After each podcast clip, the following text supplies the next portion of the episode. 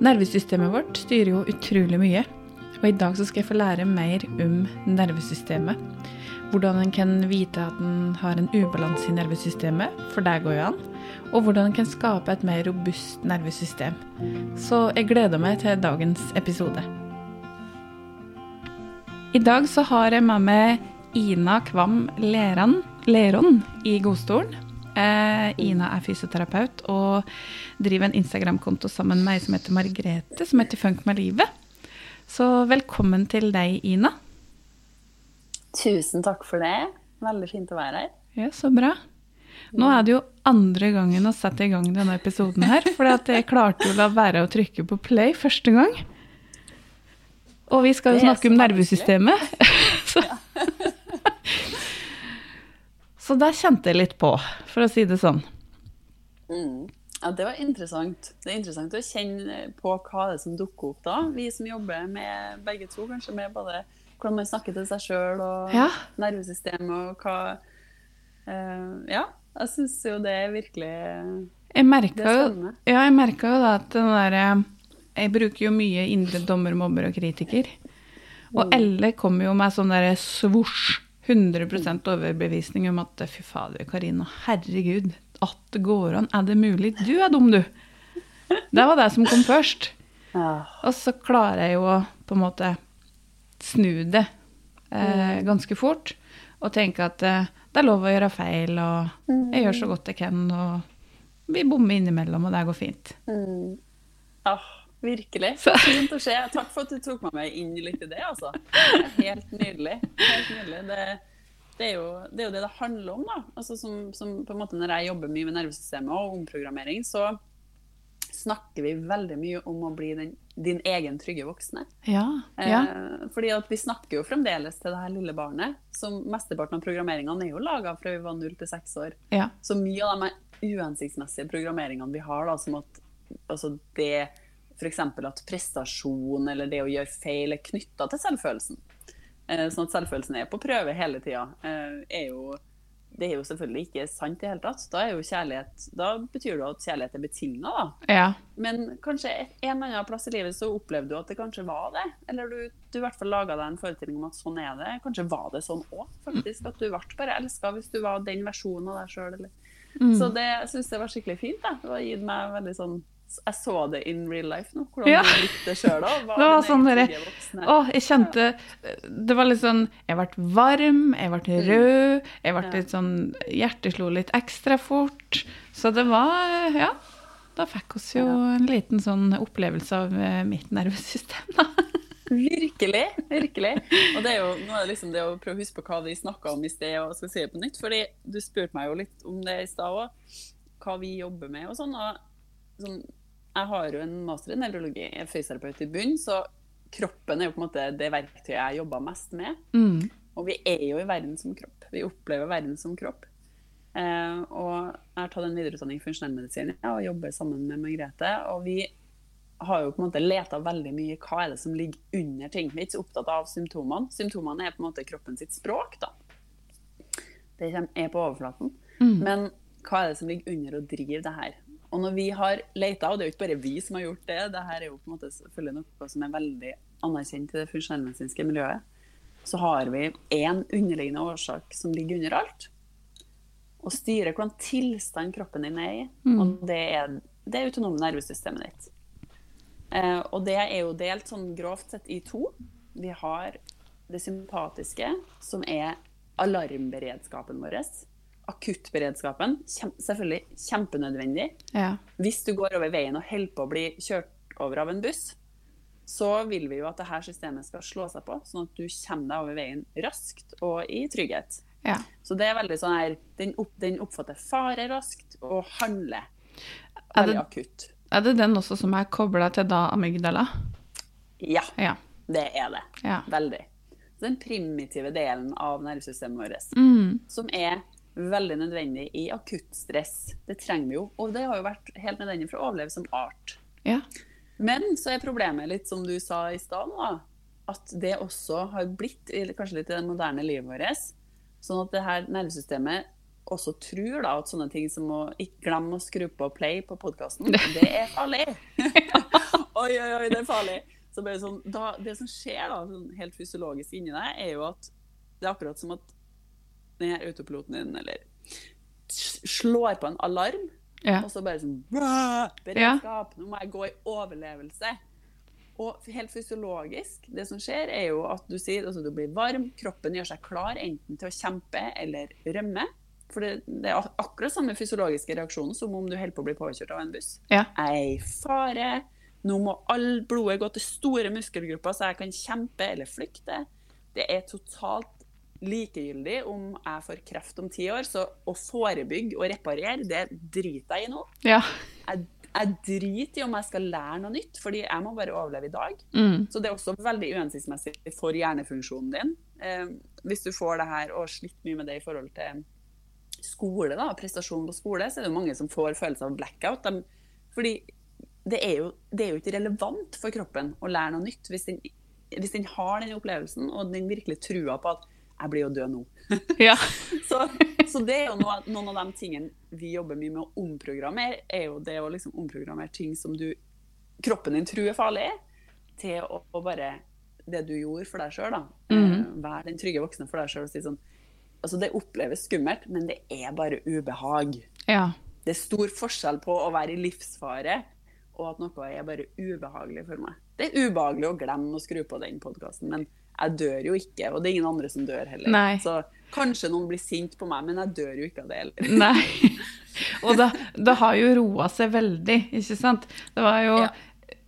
kjempebra at jeg hadde en podkastsamtale med deg nå. ikke sant? Sånn, litt sånn, ja, men da kan vi bruke dette etterpå. Og det, det er jo kjempefint å kunne se det litt sånn i praksis. Mm. Ja, for det, det her er jo noe som skjer ubevisst hele tida til oss alle, så derfor Ja. så syns jeg det er interessant å by på Altså, det jo, gjør du til meg òg. Ja. Mm. Ikke sant? Og så lurer jeg jo på, er det sånn at um, nervesystemet vårt formes fra vi er små? At det er um, Vi prata jo litt sånn eller Du nevnte nå de seks første eller sju første leveårene. Da, at det er man som der selvfølelsen vår bygges i samspill med våre omsorgspersoner. Er det også sånn for nervesystemet at det der formes eh, og legger litt sånn grunnlaget? Mm.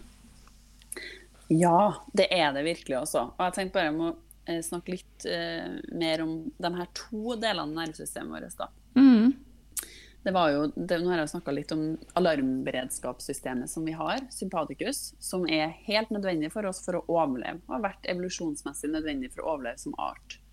Det er bare at når den kommer litt sånn ut av spill og begynner å tro at alt, eller mange flere ting er farlig enn det egentlig er farlig for oss, da, så kan det bli veldig slitsomt å være menneske. Eh, og så har vi den andre delen av nervesystemet, som heter parasympaticus. Den delen av nervesystemet er jo eh, mest aktiv når vi kjenner oss rolig og trygg. Hvis vi blir klemt eller liksom er i nær kontakt med noen. Den er veldig sånn eh, eh, Ja, vi, vi får ofte tilgang til den delen av nervesystemet hvis vi får en klem, da. Ja. Så det er jo også som, det har de jo sett i kjempespennende studier på spedbarn. At spedbarn som har på en måte mye mer av denne nærheten og berøringa, de har jo sett det i sånne prematurstudier, har jo mye større sjanse for å overleve.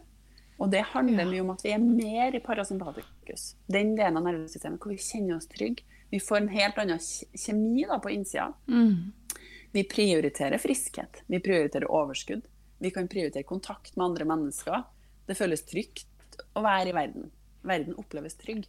Eh, immunforsvaret vårt fungerer bedre enn hvis vi er masse i sympatikus, da, som er den motsatte. Sant? Altså der vi, da blir immunforsvaret nedprioritert. Ja. Og vi får masse av de stresshormonene i blodbanen som også er med å drive betennelse.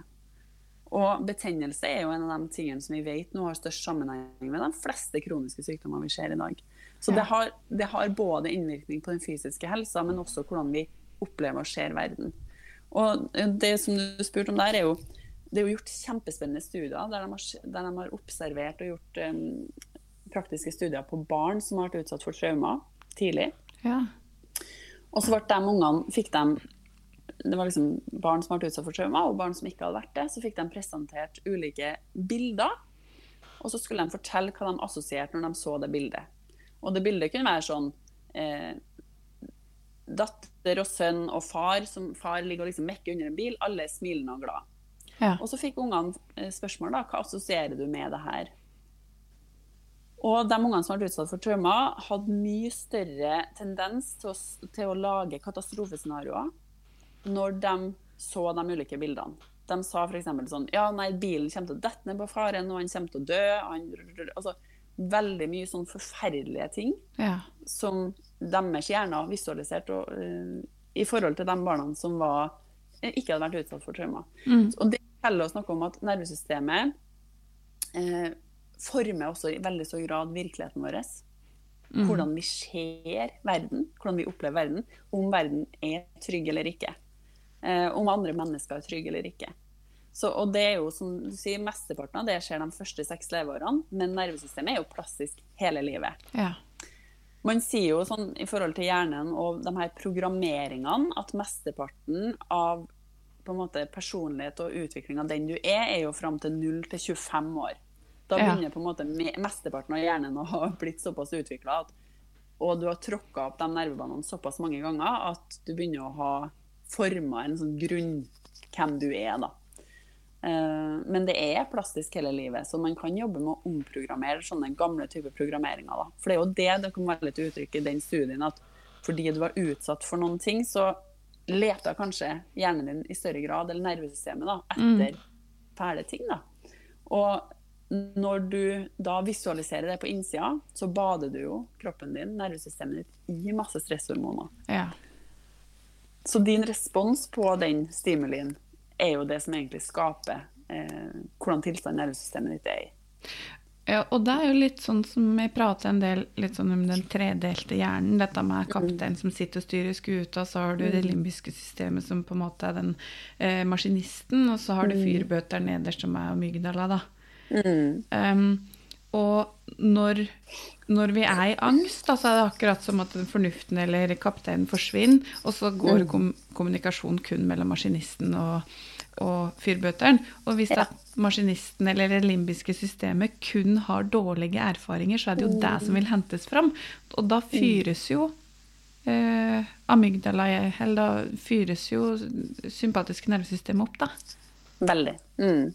Og da er det jo å lære seg å koble på at Få kobla på at kapteinen, få den til å styre skuta igjen, eller koble på at fornuften, da. Ja, veldig, veldig viktig det du sier der også. For det som ofte skjer, er jo at det blir en form for nesten sånn disconnect til egen kropp. Eh, veldig mange opplever jo det, og kroppen gjør seg altså det er ikke, Den er ikke innom den fornuftige delen av hjernen, nettopp som jeg sa. fordi hvis det er en opplevelse da, av at du er i en stor fare, så har ikke vi tid til å resonnere og tenke. Du kan ikke stoppe opp foran bussen og bare sånn Hm, bør jeg flytte meg nå? Eller? Så, så det er jo helt evolusjonsmessig veldig genialt Mm. at vi har en, en mekanisme som på en måte hele tida har som førstepri å holde oss levende. Holde oss i overleve, sånn sånn at vi kan overleve. Ja. Men det er jo som du sier, det som ofte har skjedd da, hvis man har slitt med f.eks. angst, det er jo at det, her, det har blitt en feilkommunikasjon nesten i det her. da.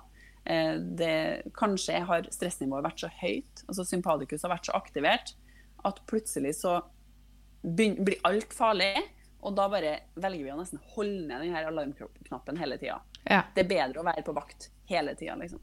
Så går det utover veldig mange andre funksjoner, og så baller det veldig på seg da, for mange. Mm. Men det er jo som jeg sa til deg, altså når, når du sendte meg liksom, ok, angst for eksempel, da, som er, man kan jo kalle det en diagnose eller en tilstand, eller i funksjonellmedisin som jeg jobber mye med da, og har som bakgrunn, så er vi jo ikke opptatt av diagnosene i og for seg. Altså, det er fint å ha liksom, en forståelse av det, for det kan jo fortelle oss om hva som er rammer og sånn. Mm. eh, Og hvordan det kommer til uttrykk i livet til den vi møter. Men det er først og fremst hva er det som kan ligge under til hver enkelt, eh, Ja. som vi er opptatt av. Eh, og jeg og Merete har jo laga et kurs som heter Flyt, som tar for seg på en måte F.eks. hvis vi får inn noen med angstproblematikk, da, så begynner vi på en måte i Og da har de Vår opplevelse er ofte at de har et nervesystem som er helt ute å kjøre. Det vil si alarmen går av hele tida. Eh, mest sannsynlig så har de, en, har de en kropp med masse symptomer, og som nå nesten har tatt affære på vegne av dem og sagt sånn Nå er nok. ja. Det har mest sannsynlig vært drevet rovdrift på kroppen, fordi det ikke har vært så veldig god kontakt heller. Ja. Eh, og man har kanskje hatt en følelse av at jeg må bare, jeg må jo bare være med på det her. Det er jo sånn vi lever livet, i det her hamsterhjulet. Og du har gått i en, en eller annen overlevelsesstate der det bare handler om å komme seg gjennom dagene. Det er ofte dem vi møter. Eh, så det, det, er jo et slags stressforløp vi har laga, og i, det er delt inn i tre faser. Og i første fase, da, når du kommer inn, så er det veldig mange som har masse av disse symptomene. De har ikke noe kontakt med kroppen sin, og de, de har ikke noe kontakt egentlig med at kanskje ligger det under at det er en dårlig selvfølelse. Nei. Fordi de, de, har jo så vidt de har nok med å liksom holde seg flytende fra dag til dag. Ja. Det, er, det, det, er, overlevelse som gjelder. Det er sånn jeg, og, og, også, som jeg sa det som, En annen viktig ting er jo at um, i, hvis du er i sympatikusmodus, så vil ikke hjernen din lære noe nytt. For Nei. det er ikke prioritet å lære noe nytt. Du, det er på en måte i parasympatikus du er nødt til å være for å kan lage nye nervebaner. Og det er jo det alt handler om. Mm. Å lære noe på nytt. Ja. Så det vil si at når, når, du er i sympatikus, så er du utenfor toleransevinduet ditt. Da, hvis en skal koble på litt sånn toleransevindu, mm. så er da, da du er utafor. For da er du heller ikke mottagelig for å lære noe nytt eller informasjon. Det er ikke vits å gi noen mm. informasjon når de er langt utenfor toleransevinduet, mm. for det går jo ikke inn. Mm. Nei, sant. Nei, altså det er jo liksom hvordan man bruker, bruker dem Det er ikke sikkert jeg tenker på begrepet likt som deg, altså. Men, men øh, øh, du kan si Ja, du kan sikkert forklare det som at du er utenfor toleransevinduet ditt ja, når man er veldig i, i sympatikus, eller at toleransevinduet blir veldig lite. da. Ja. Det er kanskje sånn, ja. Jeg tenker liksom at uh, Hvis du er ekstremt aktivert, sympatikusaktivert, så er det veldig lite som skal til før du kjenner deg overvelda og utmatta. Mm. Uh, og det er jo det mange blir jo veldig frustrert. For de føler jo at de, uh, det er noe feil med meg. Jeg håndterer jo ikke livet. Jeg tåler jo ingenting. Og det som ofte òg er erfaringa, og sånn var det i hvert fall personlig i mitt liv òg, når kroppen begynner å si fra, når man har drevet en rovdrifta lenge nok, mm. så begynner jo nervesystemet å ta litt sånn affære på vegne av deg.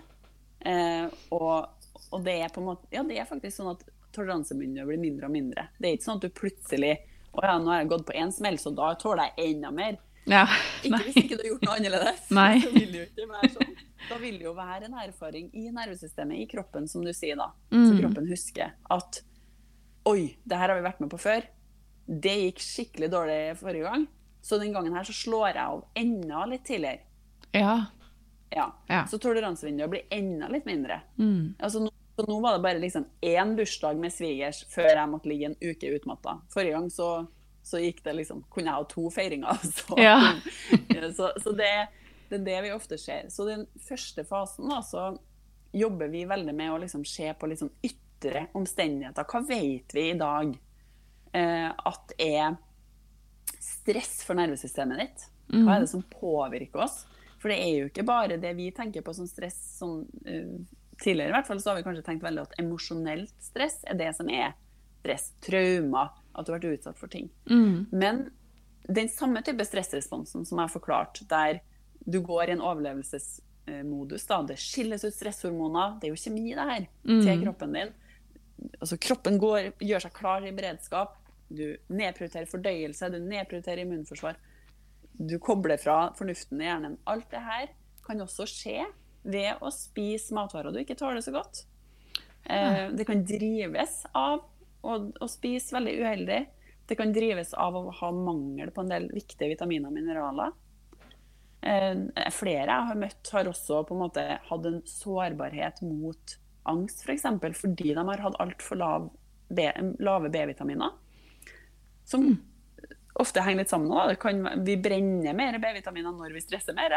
Ja. Så det blir en sånn, sånn, dårlig syklus i det. Ja. Og da mangler vi kanskje noen av byggesteinene for å lage noen av nevrotransmitterne. De her gode hormonene som faktisk gjør oss trygge. Ja. Så blir det en sånn her Å, herregud, du får aldri tak på det engang. Fordi du har rett og slett Og jeg mangler noen helt essensielle byggesteiner for å lage GABA, f.eks., med hormonet som gir deg, og som gjør at du føler deg trygg og til stede. og Åh, det her, her er godt. Det er jorda. Det er liksom skikkelig sånn, det jordingshormonet vårt. Ja. Så det, er sånn Fase én for oss handler om å liksom rydde og skape veldig ro. Ja. Og så handler det om å få på plass vaner som vasker nervesystemet for stress. For det kan vi gjøre. Vi kan påvirke kjemien vår på ulike måter. Eh, så det er liksom viktig å få på plass med en gang. Hver dag. Ha noen vaner som ivaretar det. Mm. Vi ser på alle mulige ting i livsstilen din, som søvn f.eks. Vi vet jo at én natt med dårlig søvn vil jo påvirke angstnivået til alle mennesker. Så, det jo, så sånne Ja. type ting er jo helt essensielt å få på plass. da. Og da opplever vi at altså det her er en sånn Resett. Og I fase to så er folk mer, er mer i parasympatikus. De er mer eh, mottagelige for å endre seg, for å ta imot noe ny læring. Mm. Så det er sånn Fase én handler litt om å få en plan der jeg bare skal gjennomføre. For jeg klarer ikke å tenke sjøl, jeg klarer ikke å ta avgjørelser. Det er, alt er liksom boo, ja. Og sånn er det nå kanskje litt i perioder for oss alle òg. Så jeg har stadig Ja. en sånn uke der jeg tar meg en liten reset. fordi det, det, noen ganger så går det litt uh, i kok, da. Ja, så er det jo litt sånn Som jeg erfarer um, når jeg jobber i terapi, da, så er det jo dette med at det viktigste er jo å dekke grunnleggende behov først. At det er nesten det er essensielt å dekke de grunnleggende behovene. Passe på at du et bra, at du sover nok, at du er i aktivitet, at du, at du på en måte har de derre grunnmuren eller et eller annet på plass. Og så er det lettere da å kunne jobbe med ting, og kanskje være mer selvmedfølende og vennlig og fornuftig med deg sjøl, da. 100 altså. Ja, det, og det er jo noe som på en måte nå forskninga begynner å, å veldig, altså vise veldig tydelig at sånn er det. Eh, For det er veldig stor sammenheng med livsstilen vår og helsa. Og helsa styres jo veldig grad av hvordan tilstand nervesystemet ditt er i. Ja. Så, sånn at alt det her henger veldig veldig sammen. da. Men som du sier, den, jeg, og det syns jeg er utrolig spennende, og sånn var det personlig i mitt liv òg. Jeg hadde såpass mye helseplager at jeg følte at jeg var bare frustrert og irritert på kroppen min. Jeg følte at den sto i veien for at jeg kunne få lov å bare være den jeg var i livet mitt. Ja. Ha plass å være meg, da. Um, men jeg levde jo ikke et bærekraftig liv. Jeg både spist en del ting som jeg ikke burde spise. Jeg hadde, var veldig grenseløs. var, hadde veldig problemer med å håndtere mitt eget ubehag hvis jeg satte en grense for noen. Så, Ja. Sånn at uh, masse ting. Og det var jo Det er jo en stressrespons. Sant? Altså, det opplevdes rett og slett farlig Ja. å si nei til noen, fordi det ubehaget jeg satt igjen med etterpå, var sånn var som du sier, den indre kritikeren, Ja, ja. dommeren. da. Jeg var så redd for den, da. ja. Og det, blir jo, det fører jo ofte til at man nesten blir redd seg sjøl. Det er kanskje noe av det jeg ser mest og, og brenner veldig for, er jo at så mange av oss går rundt og er redd oss sjøl og lever i veldig sånne fryktstyrte hodefengsel. ja. Eh, fordi vi, å, vi har liksom masse smerter av bare å være med oss sjøl og, og våre egne følelser. Ja, og, og da blir det jo veldig lett for folk, vil jeg tro, da, å gå på litt sånn autopilot og gjøre som jeg forventa av det. Fordi at det, det fungerte når jeg var liten, og så fortsatte du med det gjennom voksenlivet. Og så er det litt som du sier, at du klarer jo ikke å holde den smale stien, f.eks. flink pike, hele tida, og så kommer det en sjukmelding, og så må du stramme inn enda litt hardere, for nå må jeg være enda litt flinkere, for nå skal jeg i hvert fall ikke gå på veggen. Og så Nei. blir det bare Ja, til, til slutt så sier jo kroppen bare stopp. Ja, den gjør det. Altså, jeg tenker at det vi, mange av dem vi har møtt, da, har opplevd at, og meg sjøl inkludert, opplevd at jeg evna ikke å lære meg det, da. Å sette grenser. Så Nei. da begynte kroppen å gjøre det for meg. Ja. Så, så Ja. med dem vi jobber med òg, så er det sånn OK, fase én handler om å liksom skape en reset i nervesystemet. Vi må ha ro. Mm. Vi trenger ro for å komme mer i parasympatikus og faktisk få noen gode opplevelser av at jeg er trygg. Vi kobler på kropp igjen, fordi vi ofte har vært veldig oppi hodet vårt. Vi begynner å tro at vi kan leve som en hjerne Mm. eh, i verden, men hjernen er jo blind. Den, den opplever jo ingenting. Den vet ikke hvordan sjokolade smaker eller hvordan en klem føles. Nei. Vi trenger jo kroppen for å få erfaringer av eh, verden. Så vi tenker at vi lurer oss litt inn bakveien. Dette er jo selvfølgelig jeg som fysioterapeut veldig opptatt av. Vi vet jo at det er, det, er like, det er masse signaler som går fra kroppen opp til hjernen nå. Så når vi skal begynne å endre oss, da, så kan vi begynne å koble på kroppen igjen. Og så går vi litt forbi den her alarm... Prøver liksom snakke snakker til en, en, en, hjerne som ikke er helt tilgjengelig, Ja. så går vi heller inn bakveien via kroppen og skaper ro da, i nervesystemet gjennom kroppen. Ja. Og skaper nye erfaringer, nye nervebaner. Det kan være eh, altså Det er jo kjempespennende å se på Hvis du har masse tankekaos, da, tankekjør, Mm. så kan du jo på en måte prøve å sitte med deg sjøl og skal tenke, tenke deg ut av det i gåseøyne. Eh, og mange opplever virkelig det at det er, det er vanskelig, altså. Fordi Mm. det er jo den samme hjernen som skal tenke seg ut av det, som har tenkt seg inn i det. Ja.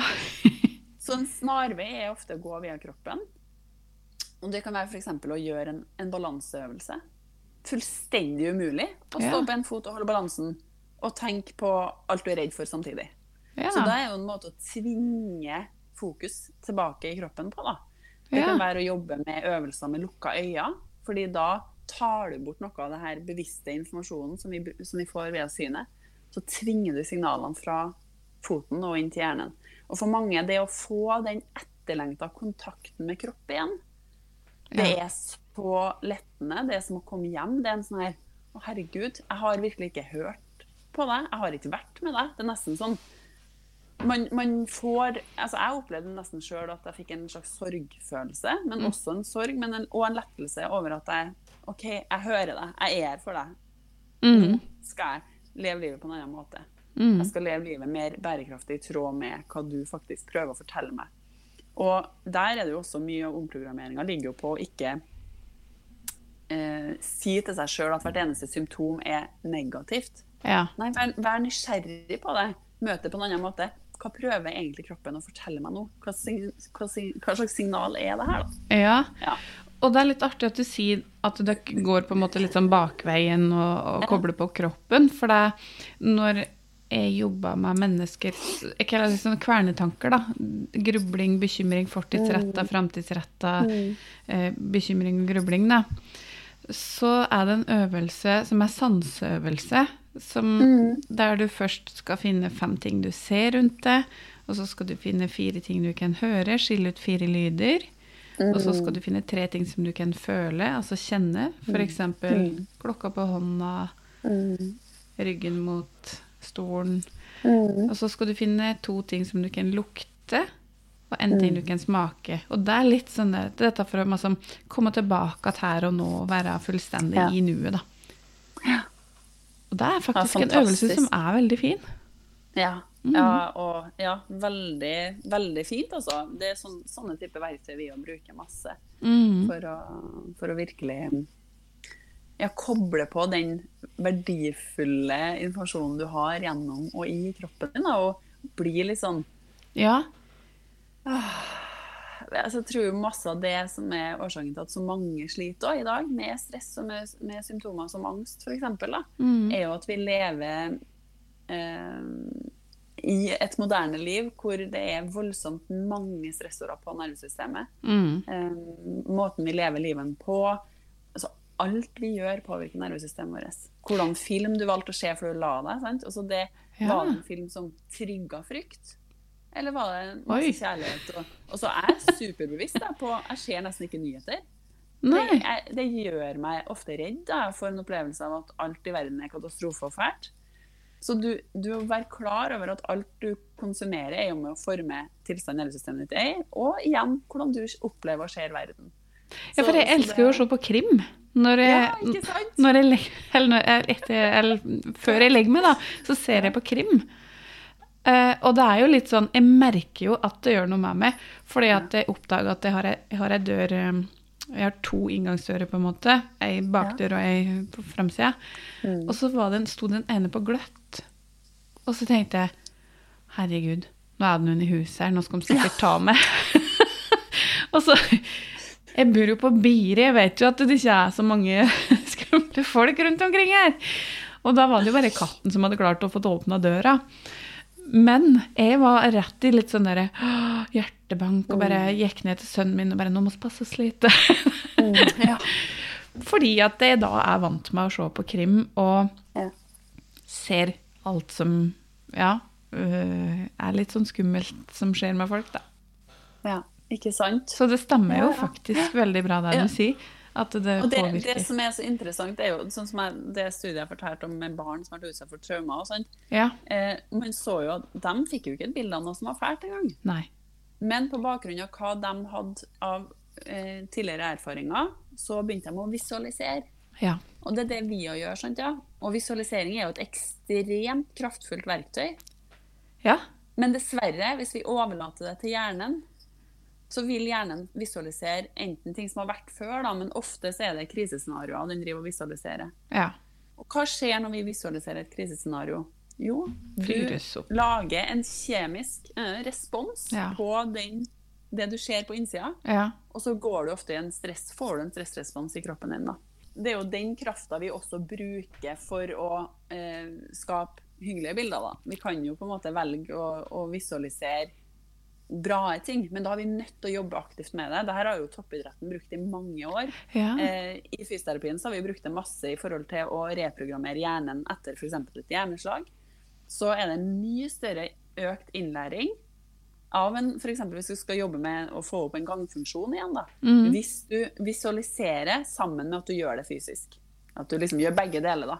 Og det er jo det toppidretten har skjedd at ok, hvis Aksel Lund Sindal skal kjøre den her, så visualiserer han løypa mange ganger før han også kjører det fysisk. ja. Og det øker sjansen for at du lærer det inn. Så hvis jeg ønsker å på en måte eh, få en ny måte å se på Hver gang jeg treffer svigermor, da, så får jeg den her uh, dårlige følelsen i kroppen, den stressresponsen. Så kan jeg velge å sitte på forhånd ubevisst ja. og se for meg alle de her katastrofescenarioene, alt det teite hun alltid kommenterer, som gjør at jeg går i Ja. masse, og blir masse trygga. Eller jeg kan sitte med meg sjøl og øve på hyggelige scenarioer. Se for meg hyggelige ting. Se for meg at jeg responderer på en annen måte. Og det oppleves like virkelig for hjernen som at du har gjort det. Ja. Så det er jo en form å trene omprogrammering på, da, rett og slett, som vi bruker. Både å gjøre det, gjøre ting fysisk, ta action, men også å visualisere. da. ja. Ekstremt kraftfullt. Og det er jo som du sier, det der kanskje folk ikke er Jeg syns veldig mange ikke beskytter seg nok. da. Dette er jo grensa på litt sånn fysiske plan. Mm. Mot Det er en del mennesker som du kjenner at vet du hva, det, det er for negativt. Det er smertefullt i, i systemet mitt Ja. å være med det her mennesket. Eh, eller hva konsumerer jeg av mat? Det, hvordan stresser det systemet mitt? Mm. Og også hvordan, hvordan er det med det jeg ser på på TV-en, f.eks., eller hvilke bøker jeg leser. Altså, det gjør noe med meg. da. ja. Så vil jeg at det skal være opp til omverdenen, eller skal jeg være med å forme det mer? Så jeg ser jo bare sånne her kjærlighetsfilmer. jeg tror nervesystemet tåler det.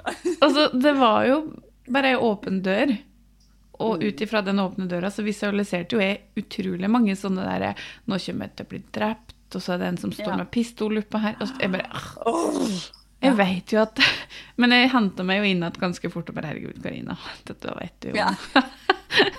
Det er bare film. Du Ja. må slutte å se så mye krim.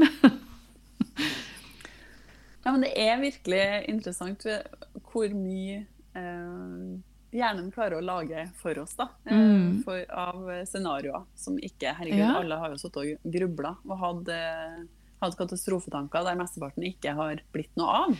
Ja, Men så det jo har dette jo virkelig Ja. Det har jo fått spilt seg ut på innsida di. Nervesystemet ditt har jo opplevd Ja. at du har vært der. ja. Så det er det som er så trist, at ikke vi vet mer av hvordan vi påvirker oss sjøl gjennom eh, hvordan vi ser på ting. Ja. Og så er det jo dette med grubling og bekymring som er veldig sånne unyttige tanker som du Mm. egentlig ikke trenger å bruke tid på. Men så spennende at du sier at det er akkurat som at hjernen tror at den har vært der. ikke sant? Hvis du grubler på fortida, så har hjernen vært der. Grubler du Mm. Ja. på framtida, så har hjernen vært der. Det har jeg ikke tenkt over før.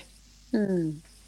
Og enormt viktig, så det jobber vi veldig mye med i den fase to. For å ska, liksom bli litt mer bevisst på at du skaper din egen virkelighet, og at nervesystemet skaper din virkelighet. Ja. Uh, og der er jo også kroppen et veldig kraftfullt verktøy, fordi kroppen din, pusten din, alltid er i øyeblikket. Så når det her, hvis det tankekaoset kommer veldig fort, da, uh, så, så er det jo å få kobla på kropp kan jo være veldig nyttig. Mm. Uh, og så er det jo liksom å jobbe mye med å få skapt en avstand til det som foregår på innsida. At du er ikke tankene dine, du er ikke følelsene dine, men du Mm. har tanker og følelser. så, mm. så mindsettet, da, når vi begynte, når vi liksom skreller litt den løken, det å, å, få tak litt i mindsettet ditt eh, for eksempel, eh, altså Vi har jo tre faser i flyt da, når vi jobber med folk som har vært veldig langt ned med stress. Eh, og mange av de tingene som er i fase tre, som handler om å nå tørre å romme egne følelser i større grad. Eh, det å begynne å sette grenser selv om det er ubehagelig det å kanskje trene nervesystemet i større grad på å få, få et større toleransevindu. For å kjenne på større robusthet, fleksibilitet. Ja. For i, i, hele intensjonen med å jobbe med nervesystemet sånn som vi gjør, er jo at du også skal eh, ha et fleksibelt, robust nervesystem. Sånn at jeg kjenner at jeg kan håndtere det livet gir meg. Jeg er ikke et offer for omstendighetene. Eh, men altså, og at det er ikke sånn at min dag er avhengig av hvordan Eh, barna mine oppfører seg, eller om mannen min har en bra dag, eller hva jeg føler på innsida. Mm. Nei, jeg har en grunnfølelse inni meg om at jeg har det bra, da. Mm. Og at livet altså er, Jeg trenger ikke å være med på alt som skjer i livet. På en måte, hvis du skjønner, det er ja. litt mer fri fra de her omstendighetene. Ja. Eh, men det er jo og, og jeg bygger opp, kan trene opp robusthet gjennom ulike tiltak. Men det, det er ikke mange, du er ikke klar for det hvis nervesystemet ditt er helt ute å kjøre. Du skal Nei. begynne med det i fase én, for å si det på den måten. Eh, så det vi jobber mye med når vi har fått skrella bort og fått skapt mye ro i nervesystemet, det er å jobbe med mindsettet ditt. Ja.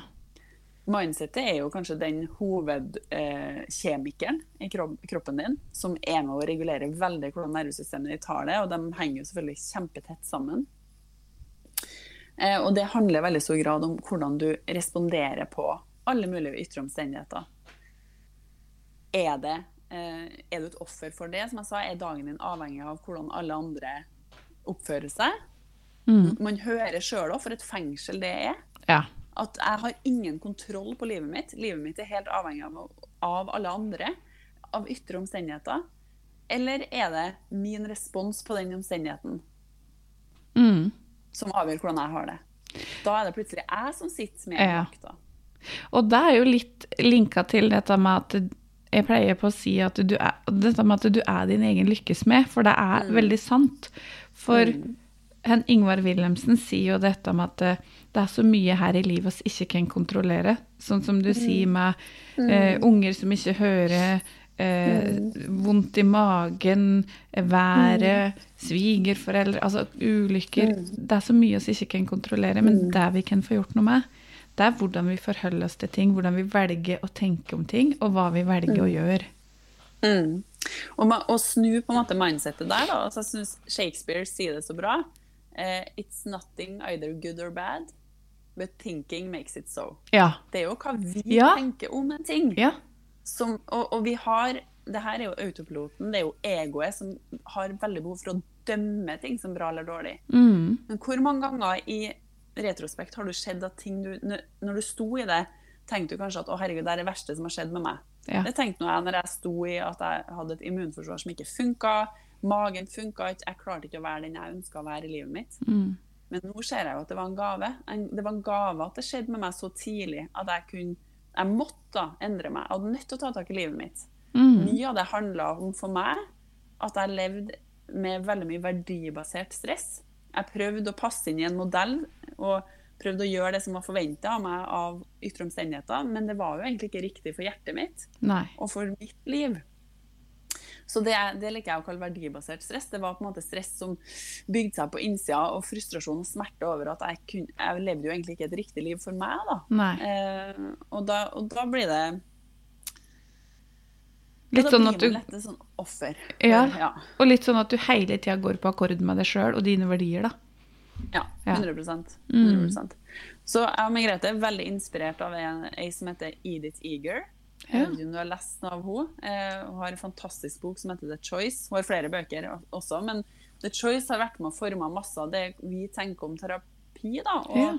hun, sier, hun var jo en Auschwitz-overlevende. Hun var 16 år når hun havna i Auschwitz, er i dag over 90. Eh, og altså, hun har noen nydelige podkaster ut, hun har som sagt noen bøker. Det, det har prega livet mitt i veldig stor grad. Og hun er opptatt av at hun tilbyr på en måte en, en valgterapi til folk. da. Og det, ja. det er vi veldig inspirert av òg. Altså, I det her mindsettet, eller når du skal jobbe med mindsettet ditt, så prøv å tydeliggjøre for deg sjøl at du har alltid et valg, da. Og det er jo mhm. som du sier, som vi, jeg tror vi tenker veldig likt om. Du har et valg på hvordan du kan respondere på enhver omstendighet. Mm. Også på enhver følelse som dukker opp inn, inni deg. Så du kan velge hvordan du responderer og dømmer både noe som kommer innvendig, og noe som er utvendig utafor deg. Det er det valget som vi prøver å ta med folk på hele tida. Mm. Det er det jeg jobber med i visualisering til folk. At de skal se denne stien, det her tydelige valget. Ja. Jeg kan velge litt sånn frykten og eh, katastrofetenkninga, eller eh, det som, å la på en måte det som har skjedd tidligere, forme fremtida mi. Mm. Hvis du lar det være opp til hjernen, så er det den veien den har lyst til å ta deg på. Ja. Fordi hjernen vår og autopiloten sin viktigste oppgave er å holde deg trygg. Ja. Men det er ikke nødvendigvis trygt. Det hjernen opplever som kjent og forutsigbart, det er det den tenker som trygt. Det vil si det du har opplevd før, da. Så Den vil bare velge mer av det du har. Så hvis du føler at du er på en drittplass fra før, og ikke gjør noe med det, ikke er bevisst på det her, så vil den bare velge mer av den dritten. Ja. Så, så, det er det her, deg den her stien da, hvor du i enhver Hele tida så har du det her valget. Du trenger ikke å være et offer for omstendighetene dine. Jeg kan velge hvordan jeg responderer på det. Mm. Og det var det Edith opplevde da, i Auschwitz. Alt var tatt fra henne. Kjæresten, foreldrene var drept. Hadde, friheten var tatt fra henne. Kroppen hennes fungerte ikke lenger. Hun var en fange i Auschwitz. Ja. Og, hun kunne, og så merka hun at når alt er strippa bort, da, hva er det jeg sitter igjen med? Hva er det de ikke kan ta fra meg? Jo, det er hva jeg tenker om den omstendigheten. Ja. Hvordan jeg responderer på det det er det ingen som kan ta fra meg, det jeg har på innsida. Og det gir en voldsom følelse av empowerment og makt da, over mm. eget liv. Mm. At uansett hva som skjer, så har så, Og det her skjer er jo selvfølgelig Det her skjer med all kjærlighet, fordi det er på ingen måte enkelt. Jo, masse av det her skjer jo ubevisst superfort, og du har en reaksjon i kroppen din før du har på en måte klart å ta det valget. Ja. Det starter jo med først og fremst å bare bli bevisst om det. Mm. Så det er jo ikke at det her er gjort på en quick fix eller på, over natta. Nei, nei. Og det er jo som jeg sier at mest sannsynlig er nervesystemet ditt helt ute å kjøre, så har du ikke engang tilgang på det. Da er du nødt til å få rydda bort stress først, før du kan jobbe med å omprogrammere eh, de her eh, gamle programmeringene som ligger da fra du var bitte liten. Ja. Mm. Hva tenker du om eh, eksponering i forhold til angst? For det er jo den terapi, eller den terapiformen eller det som er veldig nyttig i forhold til å mm. jobbe med angst. Mm. Hva skjer på en måte i nervesystemet, og hva er viktig etter eksponering? Mm. Mm. Åh, så utrolig Altså, jeg er veldig for at man skal eksponere. Eh, det er jo på en måte, Men i riktig fase. I ja. riktig, når, når er du klar for det? hvis du kommer inn, og, eller hvis jeg møter deg, og du har et nervesystem som er helt ute å kjøre, og det er nesten sånn at jeg, jeg er bare i overlevelse mm. eh, Det er nesten sånn at kroppen min ikke engang klarer å sove på natta, fordi at den, er, den tenker at den er, det er så fare på ferde mm. at jeg klarer ikke engang å slappe av og sove. Fordi jeg kan ikke slappe av. Det er ikke da du begynner å eksponere deg for det du er redd for.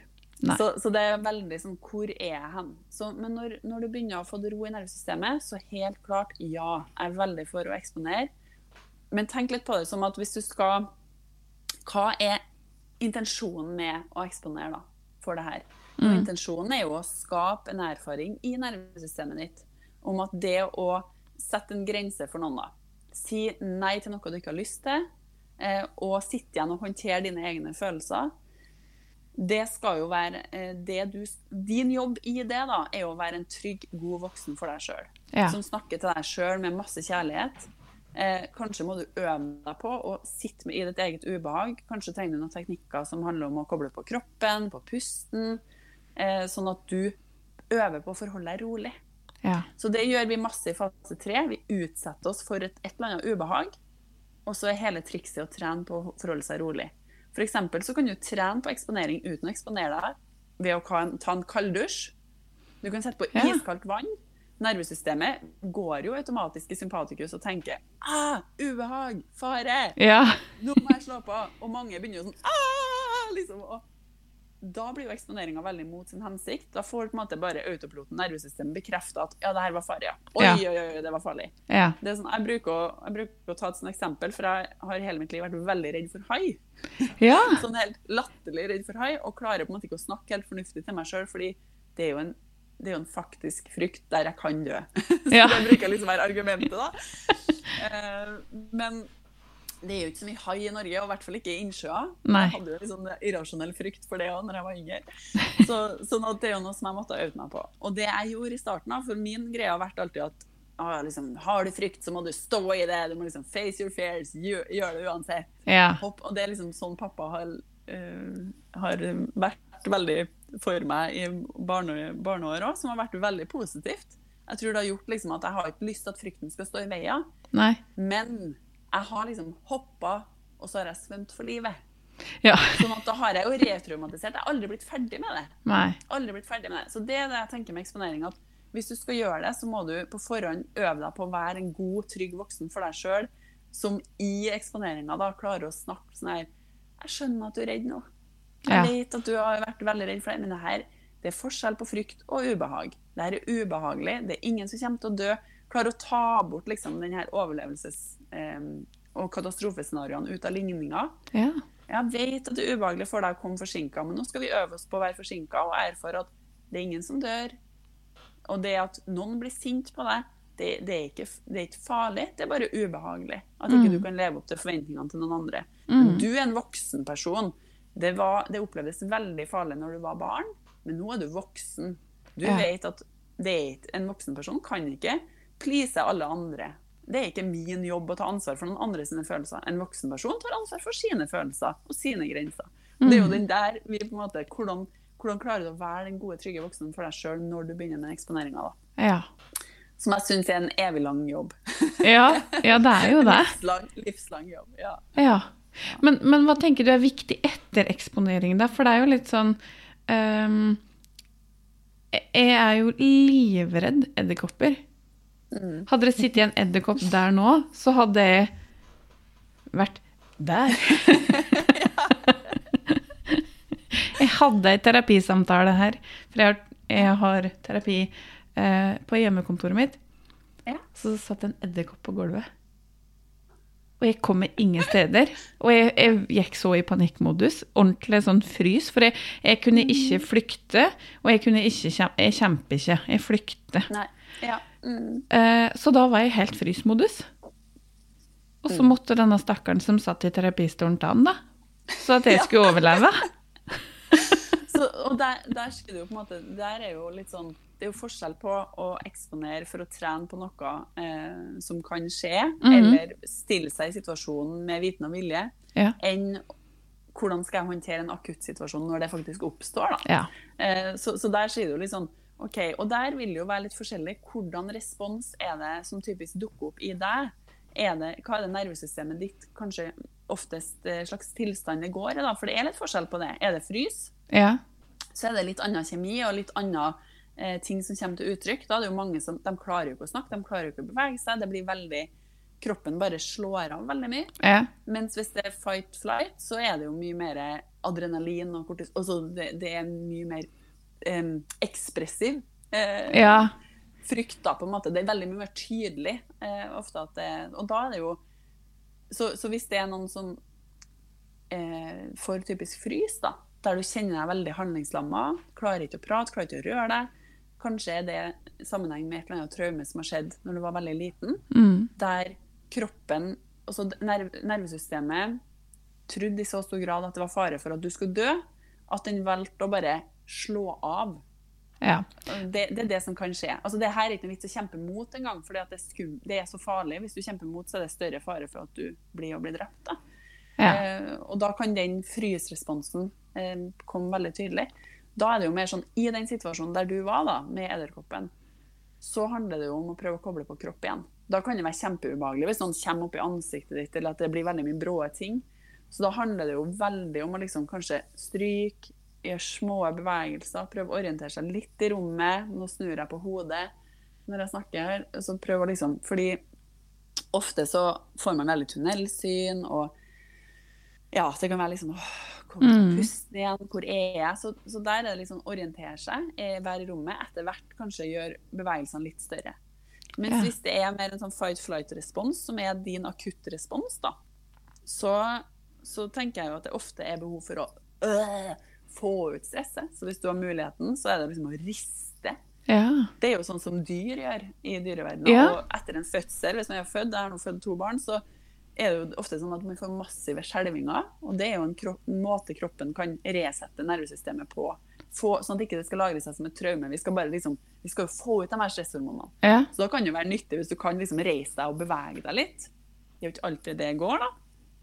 Men det er liksom virkelig å få utligna noen av de stresshormonene.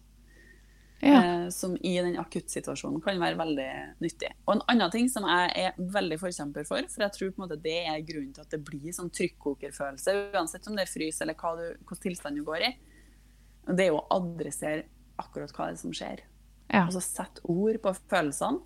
Og det er jo der vi er mest redd. For mm. vi er så redd for å bli avslørt. Altså Jeg personlig var i hvert fall det. Du som er redd for å miste ansikt. at mange er jo mest redd for det, at noen skal se at de sliter. Ja. Ikke egentlig å slite, Nei. men er redd, de er så redd for hva, hva gjør det? Hva, hva, tenker folk om meg hvis jeg har et angstanfall nå, eller ikke takler det å snakke foran kollegagruppa mi, eller ikke takler en edderkopp? Betyr det at jeg er svak? Tenker andre det om meg? Men det er veldig, i hvert fall min største oppfordring, sånn som jeg har hjulpet meg sjøl, og som jeg, som jeg sa, da, adresserer den rosa elefanten. Bare si det som det er. Ja. Å, shit, nå fikk jeg, fikk jeg masse ubehag, Ja. Normalisere det, for alle har de her følelsene. Det er helt normalt. Det er nervesystemet ditt. Og det å gjøre det, så blir det litt sånn Da har du allerede adressert den rosa elefanten. Da, akkurat som lufta går litt ut av ballongen. Mm. Er hva er det som, hva trenger du å være redd for da?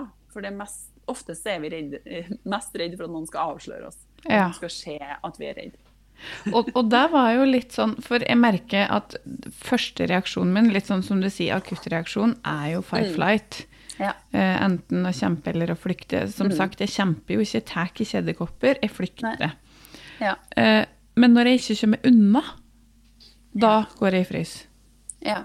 For da, da, er det ingen utvei. Da blir jeg helt sånn derre ja. Men um, jeg har jo, jeg jo jobba mye med dette med meg som å mm. tørre å snakke om følelser, og alt dette har jeg jo mm. gjort lenge. Så det var helt mm. naturlig for meg å dele da i stolen her at ja. Og nå kjenner jeg på dette, jeg kjenner på hjertebank, dette er en angstreaksjon. Og da blir det jo også ja, tryggere for den som sitter i stolen og har sine utfordringer, å kunne dele litt òg, ikke sant?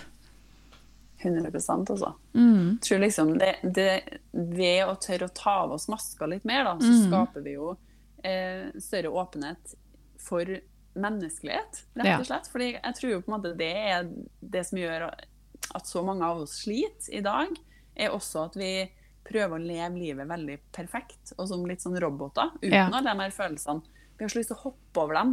Ja, men må jeg, herregud, må jeg liksom ja. må jeg stoppe opp nå og kjenne på at jeg er redd, eller ja, vi må det. Ja. Vi er nødt til å altså det, det, er det å være menneske, da. Mm. Så jeg, det er liksom min sterkeste oppfordring. Jeg tror det er sånn vi kan få et mykere samfunn som går litt i en annen retning av Som en kontrast til det her prestasjonssamfunnet som hele tida måler og veier, og det ja. ja, handler bare om å overleve det her livet. Eller er det liksom Skal vi heller stoppe opp litt og oppleve det her livet, da. Eh, mm. Kjenne at vi lever livet i dyp kontakt med andre mennesker, med oss sjøl. Mm. Um, og det er faktisk et valg man må ta. Det er to ulike måter å leve på, sånn som jeg ser det i hvert fall. Ja, og, og, det er jo litt sånn, for det er jo det jeg sier litt om mm. um, når jeg snakker med andre òg, at uh, de, jeg beskriver det som at de står litt sånn på sidelinja Eh, på mm. livet og, og, bare eksistere. Men det handler om å komme inn igjen på banen og være med og, og leve livet. Ja. Å, så fin, eh, fin, måte å si det på, altså. Ja. 100 det, Vær på banen mm. i ditt eget liv. Ja. Eh, og det, det, er jo også når det gjelder eksponering, så er det jo akkurat det samme. Altså det, du må på en måte tørre å være litt på banen. da. Mm. Eh, du må øve deg, og jeg syns det er veldig fint hvis, eh, å se til ungene hvor mye de på en måte utfordrer ubehag og utfordrer seg og ja. lærer nye ting hele tida, hele ja. livet. Og det er jo ikke sånn at de tenker eller du heller, sier til barnet ditt som ikke lærte seg å gå på én dag, at Nei. hva som feiler deg, er du helt idiot, klarer ikke å gå. Altså. Nei. Nei. Og det tror jeg liksom også å fjerne oss fra å tenke at hvis uh, jeg prøver det her, til at nei, jeg øver. Og jeg Mm. må øve mange ganger før jeg blir skikkelig god på det. Og jeg kan ikke sitte og klage på at jeg ikke har venner, hvis jeg ikke er på banen, da. Jeg Nei. må på banen da, Ja. og begynne å gjøre og øve på å få meg venner. Ja. Jeg må ta kontakt. Jeg må gjøre de tingene som er nødvendig i mitt liv for å skape det livet jeg ønsker å leve. Og så er- i forhold til det med kjærlighet, da, fordi jeg snakka litt om det her valget, som har betydd veldig mye eh, for meg, og som jeg og Margrethe har bygd hele vårt program på, som handler om liksom, choice therapy. Mm. Du kan alltid se for deg det valget. Og det valget står i bunn og grunn mellom Du kan velge frykt, og, og den her altså, Du gjør jo ikke det her sånn Å, jeg velger frykt, men å tro på all den her frykten. Ja. Eh, eller du kan velge kjærlighet og tillit. Det er Ja. faktisk et valg du kan ta hele tida. Ja. Men det oppleves litt for hjernen din, for nervesystemet, som å være i fritt fall. For det, du kan ikke garantere hvordan det blir å gå. Og gå på banen. Og være ute der. Kanskje spør, om, spør noen om de har lyst til å bli vennen din. Det kan Ja. at du blir avvist. Du, kan ikke, du har ikke noen garanti. Eller du kan være i det trygge i gåseøyne, kjente, fryktmodusen. Det er best å ikke prøve, for da blir jeg i hvert fall ikke avvist. Det er ingen som kan, det er ingen som kan avvise meg. Det er bedre å bare være inne i ensomheten. For da er det ingen som kan si nei til meg, og da blir jeg så lei meg. Mm. Så, så det er jo, kommer jo med en risiko. Og det er jo der vi bygger robusthet. Det er der vi bygger fleksibilitet i nervesystemet. At vi håndterer faktisk at noen sier nei til oss. Mm. Og vi kjenner på at jeg er verdt noe uavhengig av hva andre sier. Jeg er verdt noe bare av å være den jeg er. Mm. Og så er det i det da, som jeg syns er så utrolig spennende, for vi er jo veldig opptatt av kjemi. Jeg snakka jo litt om det med at det er viktig å ha på plass liksom, basis. F.eks. hvis du mangler B-vitaminer, så kan det være kjempevanskelig å jobbe med, med angsten din. Hvis Ja. du mangler noen av de grunnleggende byggesteinene. Og den kjemien, den kjemiske pakka som vi vet at er mest effektiv for å endre oss, for å skape omprogrammering, det er den kjemien vi kjenner på når vi er forelska. Ah, ah. Kjærlighetskjemi. Ja. Det er den, når det, den liksom pakken vi bades i da, når vi får eh, kjærlighet i nervesystemet vårt. Det er jo sånn at vi opplever verden annerledes når vi er forelska. Virkelig. Ja. Men er det så negativt, da? Er det ikke ganske hyggelig at vi ser det beste i folk? ja, ja. At, vi, at vi opplever at liksom åh, jeg- Du kanskje føler deg finere, andre mennesker er hyggeligere. Altså, Mannen du har truffet, eller dama du har truffet, de er liksom bare verdens beste. Du klarer ikke å se feilene deres. Det er bare, det er bare bra. Og det, det, det er virkelig Kanskje trenger vi å være litt mer i den. Og veldig mange av oss tror jeg savner det òg. Å være mer i den her type kjærlighetskjemien. da. Mm. Og det er noe som man også kan, kan trene på i større grad, å være mer i det. ja. Men det Ja. Men man må være Ja. Må tørre, da. Det er Mhm. liksom det som er hele greia, tenker jeg. ja. Må tørre. Mm. Og så lurer jeg på litt sånn Hvordan kan du bli bevisst på at du har et nervesystem som er i ubalanse? Mm. Oi, det var et skikkelig, skikkelig godt spørsmål. Um, altså det er jo mange ulike måter å se på om nervesystemet er i ubalanse. Um, det handler jo sånn, I bunn og grunn ofte så sladrer det veldig på hvordan håndterer jeg stress. Ja. Hvor fort henter jeg meg inn igjen etter jeg har vært utsatt for stress. Um, det forteller litt om hvor robust og fleksibelt nervesystemet ditt er. Og det tenker jeg sånn, virkelig, Når du holder på med denne jobben, når du begynner å se på det her, møt deg sjøl med masse kjærlighet og forståelse. For det er ikke din feil. Eh, det er ikke noe feil med deg for at kanskje ikke du håndterer stress så, så, dårlig, så bra. Um, mest sannsynlig så har bare liksom stressordene, det du har vært utsatt for, vært altfor mye over for lang tid. Mm. Så det er noe nervesystemet gjør for å beskytte deg, og at den begynner å slå ned. Så det kan komme til uttrykk på mange ulike måter. Som jeg sier, Det letteste å se det på, er liksom hvor godt håndterer jeg stress. Mm. Er det sånn at du mister det fullstendig, blir helt utmatta? Får du symptomer fra nervesystemet? kan jo være hodepine, hjernetåke, angst, depresjonssymptomer. Det kan jo typisk være ting som går på fordøyelsen din. Enten at du får akutt diaré eller forstoppelse. For det er på en måte ikke viktig å fordøye og ta opp næring hvis jeg er så i ubalanse i nervesystemet mitt. Nei. Mange sliter veldig med å falle til ro. Så det, så det å si liksom til dem sånn Ja, det er viktig nå å få på plass en hvilerutine. Altså det går, altså det ubehaget de må sitte i med seg sjøl. Så der må vi på en måte gjøre tiltak for å få ro først. Mm. Så det å finne, finne, ro, finne hvile um, Mange sliter med søvn. Søvnproblemer er ofte noe som oppstår fordi den ubalanse i nervesystemet. Man, man føler ikke seg trygg nok til å bare hengi seg, som man er nødt til å gjøre. Og ha tillit til at det går faktisk bra nå, og lukke øynene og være, være bevisstløs. Ja. det, det, krever ganske mye tillit. Så, så det, det, er klart at det, det er noe som sladrer ofte. Eh, og så kan det være også sånn, hvis du merker at det, du må bruke veldig lang tid på å restituere etter en treningsøkt, eller kanskje ikke har altså Du klarer ikke å trene, du blir helt utmatta av det. Mm. Så det er noe sånn, noen sånne pekepinner på det. Da tror jeg kanskje at jeg har et ganske greit, robust nervesystem. Jeg tenker litt sånn mm. starten på podkasten, mm. at jeg roa ned der. Jeg sovna så fort jeg legger hodet på puta. Mm. Um, og jeg tror jeg uh, ja, Bortsett fra edderkopper, da, så håndterer jeg stress ganske bra. ja, og så der vil det jo være liksom Det vil jo helt klart um, endre seg litt i løpet av livet, hva man står i. Det er jo ikke så rart om man har litt um, mindre robusthet i nervesystemet akkurat i småbarnsfasen, når man kanskje har masse oppvåkninger hver natt. Ja. Så ofte så ser du det litt i sammenheng med livet ditt òg. Um, og det er jo som vi var inne på tidligere, og mange opplever at robustheten i nervesystemet kanskje er veldig lav hvis du, driver, hvis du jobber med noe du egentlig ikke liker, ja. eller uh, du ikke klarer å sette grenser for deg sjøl. Mm. Det er jo typiske ting som kan drive veldig mye uhelse i nervesystemet ditt og gjøre at du får lav robusthet. Ja. Så, så, ja, men, men det, det, det, er en veldig god, godt sånn mål. OK, jeg, jeg håndterer livet. Det er ikke at jeg slutter å ha stress i livet mitt men jeg håndterer stress på en annen måte. Mm. Jeg klarer å liksom, jeg ser for meg at jeg står veldig sånn stødig som et tre da, og er veldig sånn trygg og robust. Så får det bare herje på, altså. Ja. jeg står her, og det er liksom det som er ja. Det er det som er min jobb, da, å ta ansvar for. Ja. Mitt eget. Ja. Mm. Så bra. Mm. Har du noen tips eh, i forhold til litt sånn eh, for å få et mer robust nervesystem? Noe du vil dele med lytteren litt sånn på slutten nå? Mm.